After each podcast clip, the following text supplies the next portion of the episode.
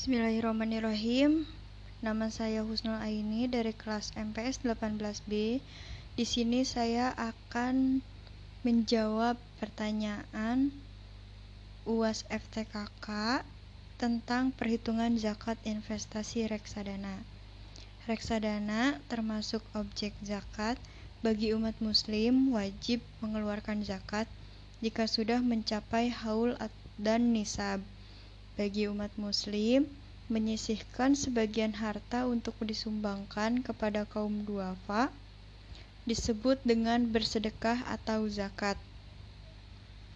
Dengan berzakat berarti kita telah mengeluarkan uang kita yang menjadi hak orang lain. Selain itu, zakat juga memberikan banyak manfaat seperti mensucikan harta dan jiwa dari sikap kikir sebagai wujud rasa syukur dan juga mengembangkan serta memberkahkan harta. Financial Planner Syariah Ahmad Ghazali juga menjelaskan bahwa reksadana termasuk objek zakat harta karena merupakan harta simpan yang berkembang Cara untuk menghitungnya adalah dengan menjumlahkan seluruh aset investasi yang dimiliki, termasuk juga deposito, emas, reksadana, atau saham. Jika nilai seluruh aset ini melebihi batas nisab, maka kewajiban zakat adalah sebesar 2,5% dari total aset investasi tersebut. Perhitungan dilakukan setahun sekali misalnya saja di bulan Ramadan. Majelis Ulama Indonesia MUI juga sudah menegaskan tentang adanya zakat dan instrumen investasi.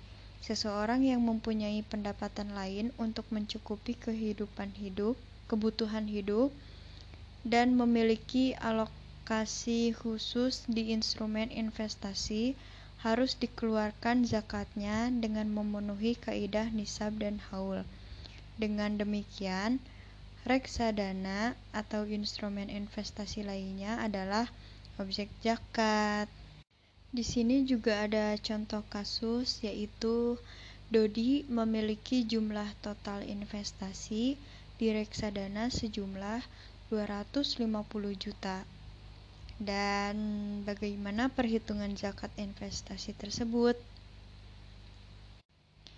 Adapun perhitungannya yaitu total seluruh harta Dodi 250 juta dikali 2,5 persen sama dengan 6,250 juta 6 juta 250 ribu.